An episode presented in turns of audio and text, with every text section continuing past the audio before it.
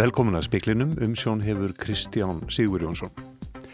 Unglingspiltarnir sem bjargað var úr höfninni í Hafnafyrði í janúar voru í hjartastoppi í tvo klukkutíma.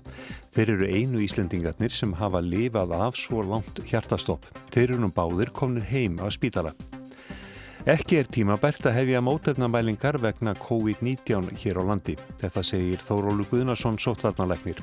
Aðeins tvö tilfelli greintust síðasta sólarhing bæði á vestfjörðum. Tíu hafa nú látist vegna COVID-19 sjúkdómsins hér á landi. Hertum aðgerðum verður aflétt á Suðureyri, Flateyri, Súðavík og Þingeyri eftir viku. Þá munir sömu takmarkanir gilda þar og annar staðar á landinu. Strángari aðgerðir verða áfram í gildi í Bólungavík á Ísafyrði og í Nýfstal til 4. mæ hið minsta. Verð á tunnu á bandarískri ráolju fór síðdeis niður fyrir 2 dollara. Það hefur ekki verið jafnlátt í ára tugi. Íslendingar eru ánaðastir með framistuðu stjórnvalda vegna COVID-19 samkvæmt alþjóðleiri könnun Kalups. Drengirnir tveir sem voru í bíl sem fór í sjóin í Hafnafyrði í januar og voru hálftíma í sjónum áður en þeim var bjargað á Turkland voru í hjartastoppi í tvo tíma frá því að þeir lendu í vatninu og þar til þeir voru tengdir við hjarta og lúnavil. Þeir eru fyrstu og einu Íslandingarnir sem hafa lifað af jafn langt hjartastopp. Þeir eru báðir komin heim að spítala. Felix Valsson, sérfræðilæknir í svæfingu og gjörgæslu sem sáu meðferðdrengjana, segir málið einstakt á alla mælikvarða. Allt hefði gengið upp á vettvangislýsins og í meðferðdrengjana á landsbítalunum, þar sem sérstök kæli meðferð var notuð á meðan þeim var haldið sofandi í hjarta og lúnavill. Það hafi verið ótrúleg stund þegar þeir vöknuðu. Maður færi ennþá gæsa á hug þegar maður sá að þeir vöknuðu. Það var var bara ótrúleg stund og, uh, og sérstaklega því þetta, ef maður er hinskilin, þetta leiti ekki vel út í byrjun. Þetta var langur tími, þetta var langur, lang, lang endurlíkun og blóðpröfur sem við tökum töluðu ekki vel fyrir þeim. Þeir voru orðin mjög súrir, maður mælir sírustíðið á líkamannum og sérstaklega annar var með sírustíð sem ég hef eiginlega aldrei séð neitt lifa af. Nánaður fjallaði um málið og rætt við Felix í fréttum sjómarsklukkan 7. Þórólur Guðnarsson, sóttvarnalagnis, segir að ekki síð tíman bært að hefja mótefna mælingar vegna COVID-19 hér á landi vegna þess að ekki er, hafi fengið úr því skorist hvaða aðferð gagnist best. Hann segir að ástæðan sé svo að veri sé að reyna að finna bestu aðferðina til að mæla þessi mótefni. Fjöldamörg próf sé í bóði en þau séu misjöfn, misnæm og misáraðanleg og menn vilji vera vissur um að bestu prófin verði nótu þegar mælingar hefjast. Þetta kom fram á upplýsingafundi almannavarna í dag. Þórólfur hefur sendt heilbreyðisráð þeirra tvö minnisblöð í tengslum við aflettingu aðgerða almannavarna þann fjórða mæ og takmarkanir á ferðum fólks hinga til lands. Ráðunitið byrtir auglisingu þess efni síðar í vikunni. Tvö ný tilfelli greindust í gær. Alls hafa 1773 þrjú verið staðfest og mikill meiri hluti smittara náð bata, eða 1362. Tíu hafa látist af völdum COVID-19 hér á landi. Kona á nýraðisaldri lést úr COVID-19 í gær á hjókunarheimilinu Bergi í Bólungavík. Mun færri síni voru greint í gær en dagan og undan. 285 voru greint hjá Íslenskri erðagreiningu og greinti smitt í einu þeirra. Síkla á veirufræði til landsbytalans greinti 96 síni og fannst smitt í einu þeirra. Alls likja 28 á sjúkrahúsi smittaðara COVID-19 þar að fjórir á kjörgeslu. Pál Mattíasson, forstjóri landsbítalans, þakkaði erlendu starfsfólki spítalans fyrir framlag þess á upplýsingafundi almannavarna í dag. Fólki sem bæði starfar sem fagmenn og einni þeim sem sinna þrefum og fleiru. Hann þakkaði ómetanlegt framlag fyrst á íslensku en einni á fleiri málum. Næst á ennsku. Thank you very much for all your hard and important work. Þá á pólsku þið takki viljan fyrir verkið í frambyrði. Dziękuję bardzo za całą cierko i własną pracę. Og að lokum á takalókmáli Filipsega, Maraming Salamat sa Pakiging Masipak. Og það voru heldur góð loka árið dag. Þetta var Pál Mattíasson, forstjóri landsbítalans. Súðavík, Suðureyri, Flateyri og Þingeyri munu losna undan hertum aðgerðum 27. apríl. Þá munu sömu takmarkanir gilda þar og annar staðar á landinu. Hertar aðgerðir verða hins vegar enni gildi í Bólungavík, Nýfstal og Ísafyrði til 4. mæ hið minsta. Karl Ingi Vilbergsson, lauruglustjóru á vestjörum, greindi frá þessu á stöðufændi um COVID-19 á Ísafyrði í dag. Á þessum litlu stöðum, Flateyri, Suðureyri, Súðavík og Þingeyri, hafa ekki greinst teljandi smitt og þau smitt sem hafa fundist hafa verið einangruð og, og ekki smitta út frá sér. Uh, Samanmáli gegnir ekki um Ísafjörð og Bólungavík og saman hafa, já Ísafjörð, Bólungavík og Nýfstal og saman hafa þau uh, verið með bróður part allra smita á landsvísu síðustu daga. Þannig að það er augljóst að við höfum ekki náð fullkomnum böndum á faraldurinn um, og þar með er ekki ástæða til þess að leta á kröfunum enn sem komið er. Þetta var Gilvi Ólásson, forstjóri heilbriðisstofnunar vestferða. Og ekkert staðfess mitt er nú á Norðurlandi vestra og einingis þrýrir í sótkví. Þar með er stórum áfangan á en fyrstu tilfelli fjörðungsins kom upp fyrir nákvæmlega mánuði 20. mars í húnaþingi vestra. Degi síðar voru staðfess tilfelli þar orðin 5 og grunur um fleiri.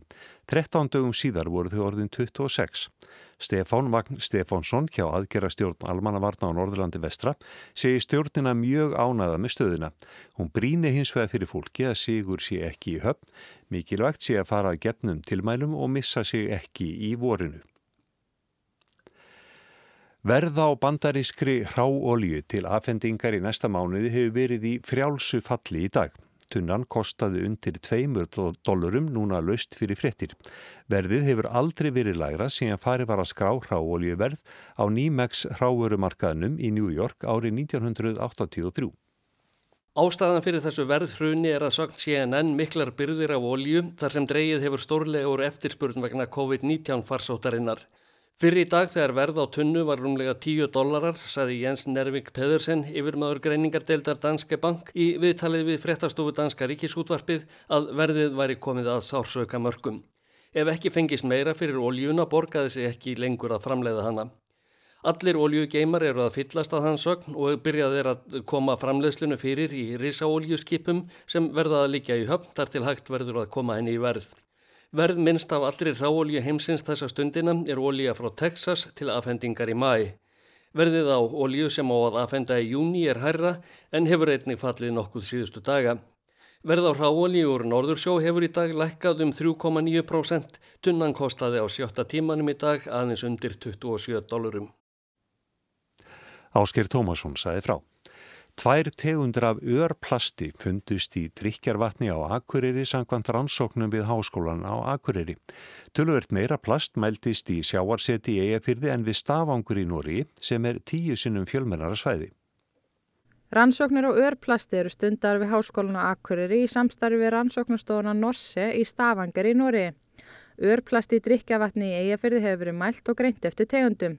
Síni voru tekin víða í vassveitukerfi Akureyrar, þar á meðal hjá vasslindum bæjarins. Ásta Margreit Ásmundsdóttir, efnafræðingur við Háskólan á Akureyri, segir að átta síni hafi verið tekin. Lítið magn plasts af tveimur tegundum mæltist í tveimur þeirra. Það eru náttúrulega plast sem er mjög mikið notað. Þetta er notað í rörunum sem að flytja vatnið, sem er hugsaðið skýring sko. Það sé þó eins rétt mælanlegt og örplast í drikjarvatni akkureringa sé því ekki áhugjefni. Mikilvægt sé hins vegar að fylgjast vel með þróuninni þar sem að örplast ekst sífælt úti í náttúrunni. Þá voru skoðu sjávarsetru í eigafyrði. Tölvert mældist þar af plasti og fleiri plastegundir. Þar fannst til dæmis plast sem er notað í byggingarefni, umbúðir, fatnað og plexigler. Mest var við skolp útráðsbæjarins og mingaði greinilega eftir því sem fjær dró. Töluvert meira fannst þar af plastin í stafangursfyrði í Nóri sem er tíu sinnum fjölmennari en akkuriri. Ásta segir að það séu aðstæður þó aðrar. Aukþess sem að e, í stafangur þá erum við mjög fullkomna skólpreinsun. Sko. Þeir síja skólpið það mikið að þeir geta haldið eftir mjög miklu af til dæmis örplasti sem að annars færi út í sjó. Þetta sé aðeins fyrstu niðurstöður og það veri áhugavert að sjá hvernig þetta þróast. Og þá sérstaklega með til þess að það er svo sett verið að setja upp skolprinsustöð á Akureyri. Sagði Ásta Margret Ásmundsdóttir. Úla Árdal tók saman.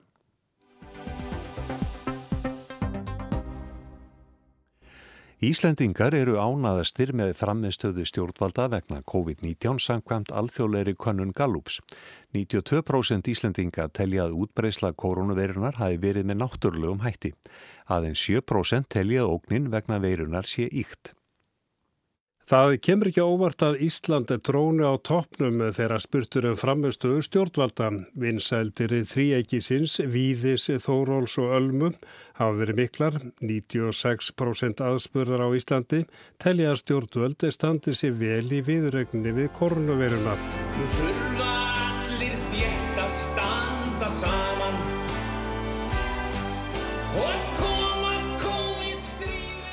Könninni var gerð vísvegar um heimin í þessu mánuði. Ísland er eina norðurlandathjóðin sem tekur þátt. Næstur á eftir Íslendingu þegar kemur að álita framöstuðu stjórnvald eru indverjar. 93% þeirra eru sátt við framgöngu stjórnvaldan. Óanægin er mest í Tælandi og Japan þar sem í kringum 20 af 100 segja stjórnvöldi sé að standa sér vel. Þá tilur um helmingur bandaríkjamanna að stjórnvöld sé að standa sig og rétt rúmlega helmingur rúsa er sáttur við sín stjórnvöld. Og Íslandi sker sér úr þegar kemur að spurningunum hvort ógnin sem stafa á COVID-19 sé ykt. Hlutvall þeirra sem telja svo ekki vera er hvergi lagra. Aðeins 7% aðspura telja að hún sé ykt. Næsta land fyrir ofan Ísland er Japan þar sem 13% telja ógnina ykta. Pakistanar eru hins vegar á annari skoðun. Þar telja yfir 60 af 100 ógninu sem stafar að veirinu sé ykt. Samskonarkönnun var gerð í mars sem Ísland tók reyndar ekki þátt í. Ábyrjandi er að almennt hefur þeim fækkar sem telja að ógnin sé ykt. Í mars voru til dæmis bæði í Þýskaland og í Bandarækjunum 60 af 100 sem töldu þetta ykt Þeim hefur snar fækkað í april. Nú erum fjörðungur í þessum löndum sem telur að, í, að um ígjur sé að ræða. Íslendingar viðast alls ekki vera sammála því að veirunni hafi verið dreift viljand af erlendum aðlum eða öblum. Aðeins 8% aðspörðra Íslendinga telja svo vera og 92% álita útbreysla veirunar hafi orðið með náttúrulegum hættim. Þetta hlutvall er hvergi herra meðal þeirra 29 þjóðar sem svara þessari spurningum. Næst kemur Þískaland þar sem 77% landsmanna er á því að náttúrulega skýringar sé á útbreyslu veirunar. Þar næst kemur Breitland með svipa hlutvall, eins verið Armenia svo þjóð sem hefur ekki mikla trú á náttúrulegu skýringunni Þar eru 70 af hundraði á því að veirinu hafi verið dreift viljandi eða útbreysla hennar hafi ekki orðið með náttúrulegum hætti. Það kemur ekki óvart að flestar þjóðir sem konunin nær til óttast talsvert að smitast. 85% Íslendinga óttast að þeir eða aðri fjölskyldi þeirra gætu smitast. Mestur er þessi ótti í Indonésium 91%, óttin fer ekki niður fyrir 60% er það í Pakistan en hann er örlítið meiri í Sviss. Aðtegli vekur að á Ítalju mæltist óttinn við smit 91% í síðasta mánuði. Heldur hefur dreyið úr honum í april því nú óttast 84 af 100 smitt. Þessir öfugt farið í bandaríkjónum í síðasta mánuði óttaðist rösklega helmingur bandaríkjamanna smitt. Í þessum mánuði mælist óttinn þar 80%. Gallup spurði um fleiri atriði sem tengjast COVID til dæmis hvort fólk væri tilbúið að forna einhverju mannréttindum sínum ef það gæti hjálpa til að koma í veg fyrir útbreysluna. Almennt verðist vera vilji til þess, síst er það meðal Japana en þar er um helmingur sem er tilbúin að forna einhverju mannréttindum. Indverjar eru efstir á lista, þar segjast 96% vera tilbúin að forna mannréttindum. Á Íslandi mælist þessi fórni físni 84%. En hvernig mun heimurinn líta út þegar veiru faraldurinn hefur gengið yfir Gallup spurða því? Seksa hverjum tíu Íslendingum telja að heimurinn muni nokkurt veginn hverfa til fyrra ástands, 40% telja hins vegar að það verði miklar breytingar og að heimurinn verði nánast gjör breytur. Þjóðverjar, svisslendingar, austuríkismenn og japanar er á svipu ról og við Íslendingar. Philips eigingar eru nokkuð annarar skoðunar. Þar telja 66% að heimurinn eigi eftir að breytast mikið og Ítalir hafa svipaða skoðun. 65% Ítala telja að miklar breytingar verði en 35 af hundraði að heimsbyðin falli aftur í sömu skorður og hún var fyrir COVID. Arnar Páll Haugsson sagði frá. Breytt staða blasir við mörgum stjættarfélögum í COVID-19 faraldrinum. Félagsmenn hafa mist vinnu, starfa í skertu starfhlutfalli og margir hafa þurft að sinna vinnu heima frá sér. Framhalskólakennarar hafa ekki þurft að ótast atvinnumissi en vinnan þeirra hefur gjör breyst. Guðjón Hreitn Haugsson er formaður félags framhalskólakennara. Fyrir lang flest okkar er þetta gjör breyttu tími. Verið núna mjög krefjandi ástand við það að umpóla í starfinu Nótabenni þá held ég að þetta hafi yfirleitt gengið bísna vel. Það að styðja eins og kostur er við nefnendur í heimavinnu hefur held ég gengið mjög vel. Fólk er að læra ótal nýjar aðferðir og, og það hefur verið bísna góður andi í hóknum, viljið til að læra og gera það sem best. En nú finnum við alveg að það er, sko, þetta búið að vera mjög mikið álag en hafa verið að velta fyrir sér á þess að þeir getur þetta almennilega reiktaða út á þessum tíma. Þessi er minnst 20-30% meiri vinna en vennulega og nú er hefur þetta verið langvarandi ástand og fólk er tekið að þreytast. Það er náttúrulega mjög margt sem að fólk hefur lært og, og beitt eins og ég segi nýjum aðferðum og hugsanlega getur þær verið að einhverju liti komnast til að vera þegar að þessu ástandi líkur. Þú talar um að álægið hafi aukist. Kemur til einhvers uppgjörs, sko varðandi bara réttindamál og starfsaðstöðu heima? Nú var fólki bara hend út í djúbulöginu. Ég held að get ekki annað verið en að bara svona almennt á vinnumarkaði bæði almennum og ofnbjörnum komið til einhvers konar uppgjörs varðandi þetta. Öruglega svona hver stjætt með sínar áherslur Fólk hefur þurft að vinna heima hjá sér við mjög miðsefnar aðstæður og skólar hafa meira að segja miðsefnar aðstæður til þess að styðja kennara sína við það að breyta heimilisinu í starfstöðvar. Þetta þarf alltaf að fjalla mjög ítalega um, til dæmis ef við lítum svo á sem að mér þykir eðlilegt ef að vinnuvendi gerir kröfu til starfsmanns um að hann vinni heima hjá sér og komið sér upp starfstöðu, þá ætti hann að útvegunum allar þann búna sem hann þarf og þá erum við að tala um jafnvel nettengingar líka og ræðultæki sem hann þarf til starfsins. Það lítur að, að koma til kasta flestara stjættafélaga einhvers konar uppgjör á þessu. Eitthvað mun fólk hefur sammeilegt og annað ekki. Þannig ég held að það sé alveg ljóst. Er andin sá að þetta sé samfélagslegt verkefni sem að þarf að vinna og þess vegna hafi allir stokkið til? Já, já, ég held að það hljóti að vera hluti af þessu að leggja sitt af mörgum og, en svo er þetta náttúrulega líka kennarar hafa mjög mikla skuldendingu gagvart nefndur sem hver einasti kennari hugsar þannig um sína nefndur að þeir leggja sér alla fram til þess að lámarka skadan af þessu ástandi sagði Guðjón Hreitn Haugsson, formaður félags framhalskólakennara. Brægi Skúlason er formaður Fræðagars, stærsta stéttafélagsins innan BHM. Markir af félagsmyndu Fræðagars vinna á almennu markaði. Sko sumtaði sem við sjáum nú þegar er mjög áberendi þar að segja að það tengist beint aðgerur ríkistjóðarinnar þar sem menn fari skert starflutvall og við sjáum að þetta er að gerast. Hitt sem að við erum svona að horfa fram á að geti kannski tekið meira á sem mynd setnið þessu mánuði er hvort að fyrirtæki eru hreinlega að fara í gjaldrótt og hvort að verði þó líka uppsagnir. Um, við vorum náttúrulega í þeim spórum 2008 þegar við fengum hrunið að þá lærum við þá leksi að margt er líka tóltið illa sínilegt, meiri segja aðtunleysi, menn finna ymsa leiði til þess að bjarga sér en þegar uppi staðið er það líka þetta, við með einhver réttindi til þess að fá aðtunleysbætur eða eitthvað í þeim dúr eða öðru sumir sem eru kannski bara eftir ekki með neynslík réttindi eða mjög takmörkuð. Og þá kemur þetta að þetta sem við erum að horfa fyrst og ennst fram á eru breytingarnar á engamarkaðanum við hefum ekki séð breytingar verða beilins á þessum vonberamarkaði þar sem hjá ríkja sveitafélagum en sko, þetta kann alltaf taka breytingu með þessi tími þar sem er í sótt kví og er að takast á við þessa veiru í langan tíma þá getur við séð langvinnar afleðingar, langvinn eftirkost og það sem blasir við okkur í þessum fyrstu hlutum er kannski þetta að það er mikil óvisa og það eru mjög margir sem eru mjög hrettur um sína afkomu hvernig hún verður ekki bara næsta mánu eða næstu tvo heldur hugsanlega lengur.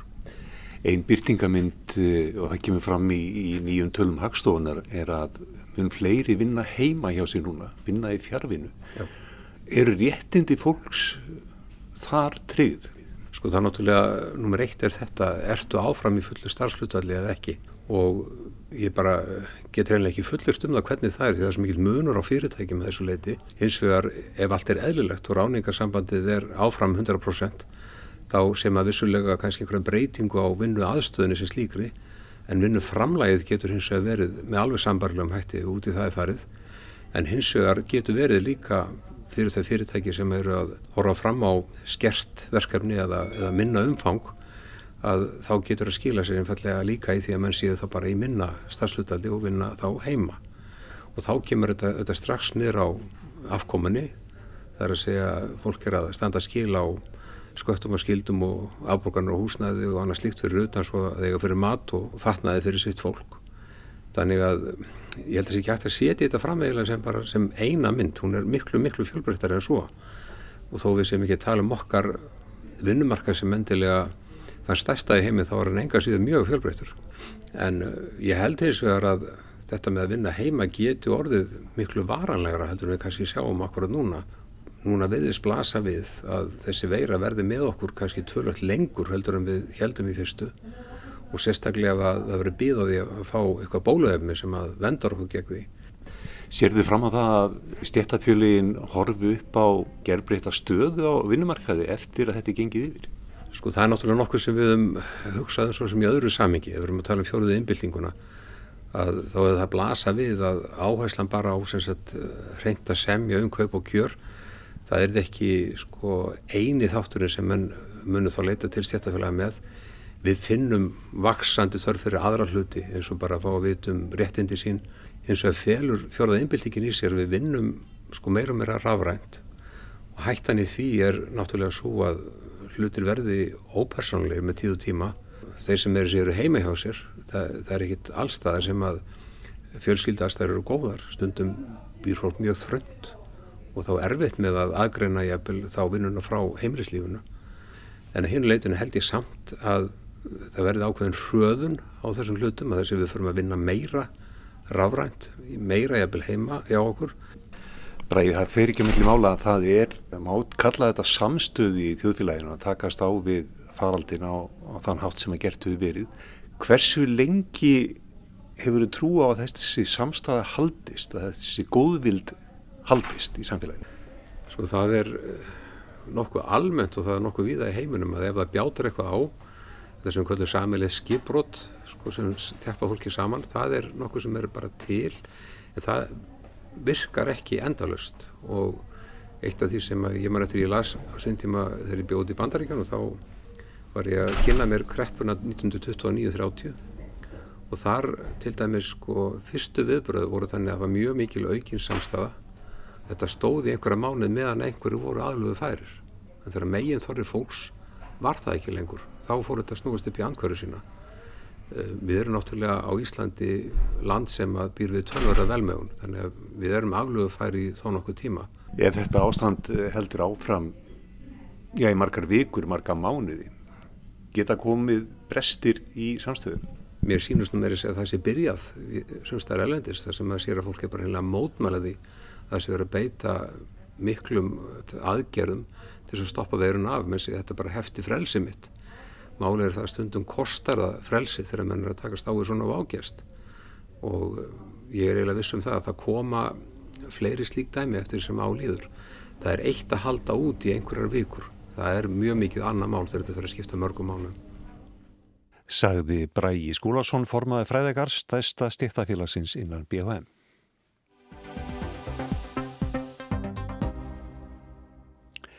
Í Breitlandi hækkar tala látina enn ískikilega. Það vantar hlýðarbúnað fyrir starfsfólk helbriðistofnana og elli heimila.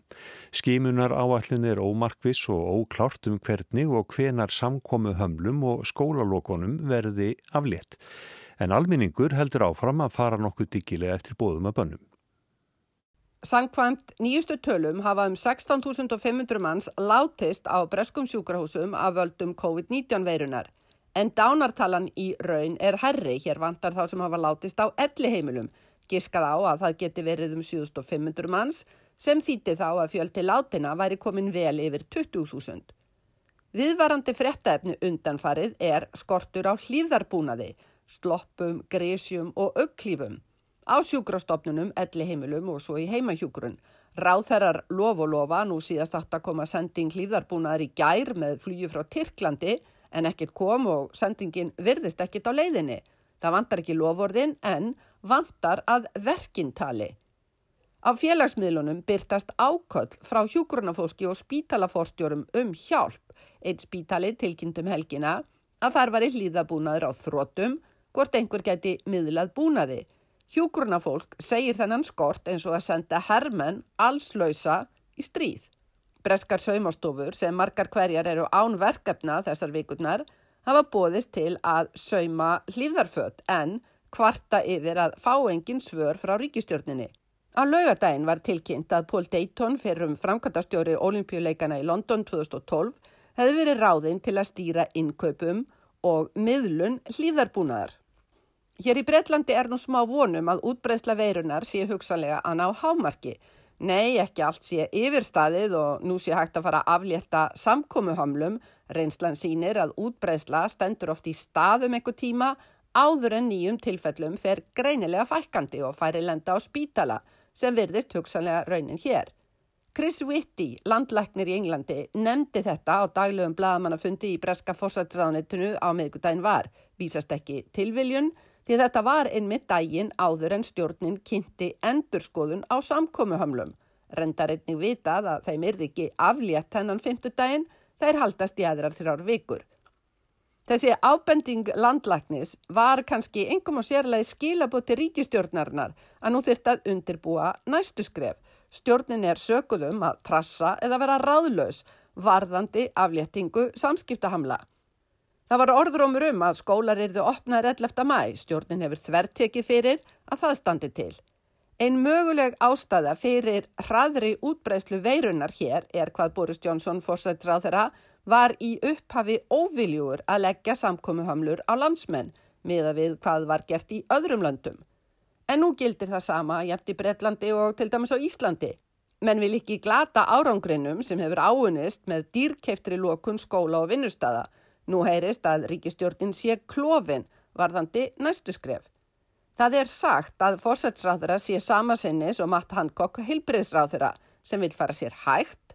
Formlega er fórsætsráðura þó enn frá vinnu að ná sér eftir sína eigin glímu við veiruna. Á móti þessu tvíegi er annað tvíegi. Þeir Rísi Súnak, fjármálaráðara og Michael Gove undirráðara í fórsætsráðanettinu. Fjármálaráðara hefur áhyggjur að því að því lengur sem hömlurnar gildi því fleiri fyrirtæki leggjur blaupana því fleiri missi vinnuna. Efnahagslægðin býti sig fasta í hagkerfið og þó erfið að vinna sig upp úr lægðinni. Fyrir helgi kynnti Dominik Raab, utryggisráþara sem er staðgengill fórsætsráþara, fimm fórsendur þess að hömlur verði losaðar. Að heilbreyðiskerfið standist álægið stöðugt lækandi dánartölur, áraðanleg gogg sem síni að menn hafi tök á veirusmitinu, nægskimun og nógur hlýðarbúnaður og að enginn hætta sé á annari bylgu faraldursins. Það heyrist við að hörg gaggrinni á stjórnina líka meðal stjórnarþingmana fyrir skortin á skimun og hlýðarbúnaði og svo núna fyrir að byrta ekki áallun um hvernig aflétting samkoma hamla eða ganga fyrir sig. David Davis fyrir um Brexit ráð þegar sagði að stjórnin ætti að tala við þjóðin eins og fullorði fólk, ekki verið í feluleik með sannleikan eins og verið sér að tala við börn. Þráttur er orðvittís óttasmarkir að döðsföllum vegna COVID-19 eigi en eftir að fjölga. Ímsir sérfræðingar spáði að breytar eigi eftir að koma ver út úr veirufareldrinum en jafnvel ítaljur og spánverjar. Veirusagan er ekki á enda en breytar velta því fyrir sér af hverju Framvindan hér í Breitlandi hefur hingað til verið svo miklu svartari en til dæmis í Þýskalandi. Sigrún Davísdóttir saði frá. Það var helst í speklinum að úlingspiltarnir sem bjarga var úr höfnin í Hafnafyrði í januar voru í hjartastoppi í tvo tíma. Þeir eru einu íslingarnir sem hafa lifað af svo langt hjartastopp. Þeir eru nú báður komin heim á spítala.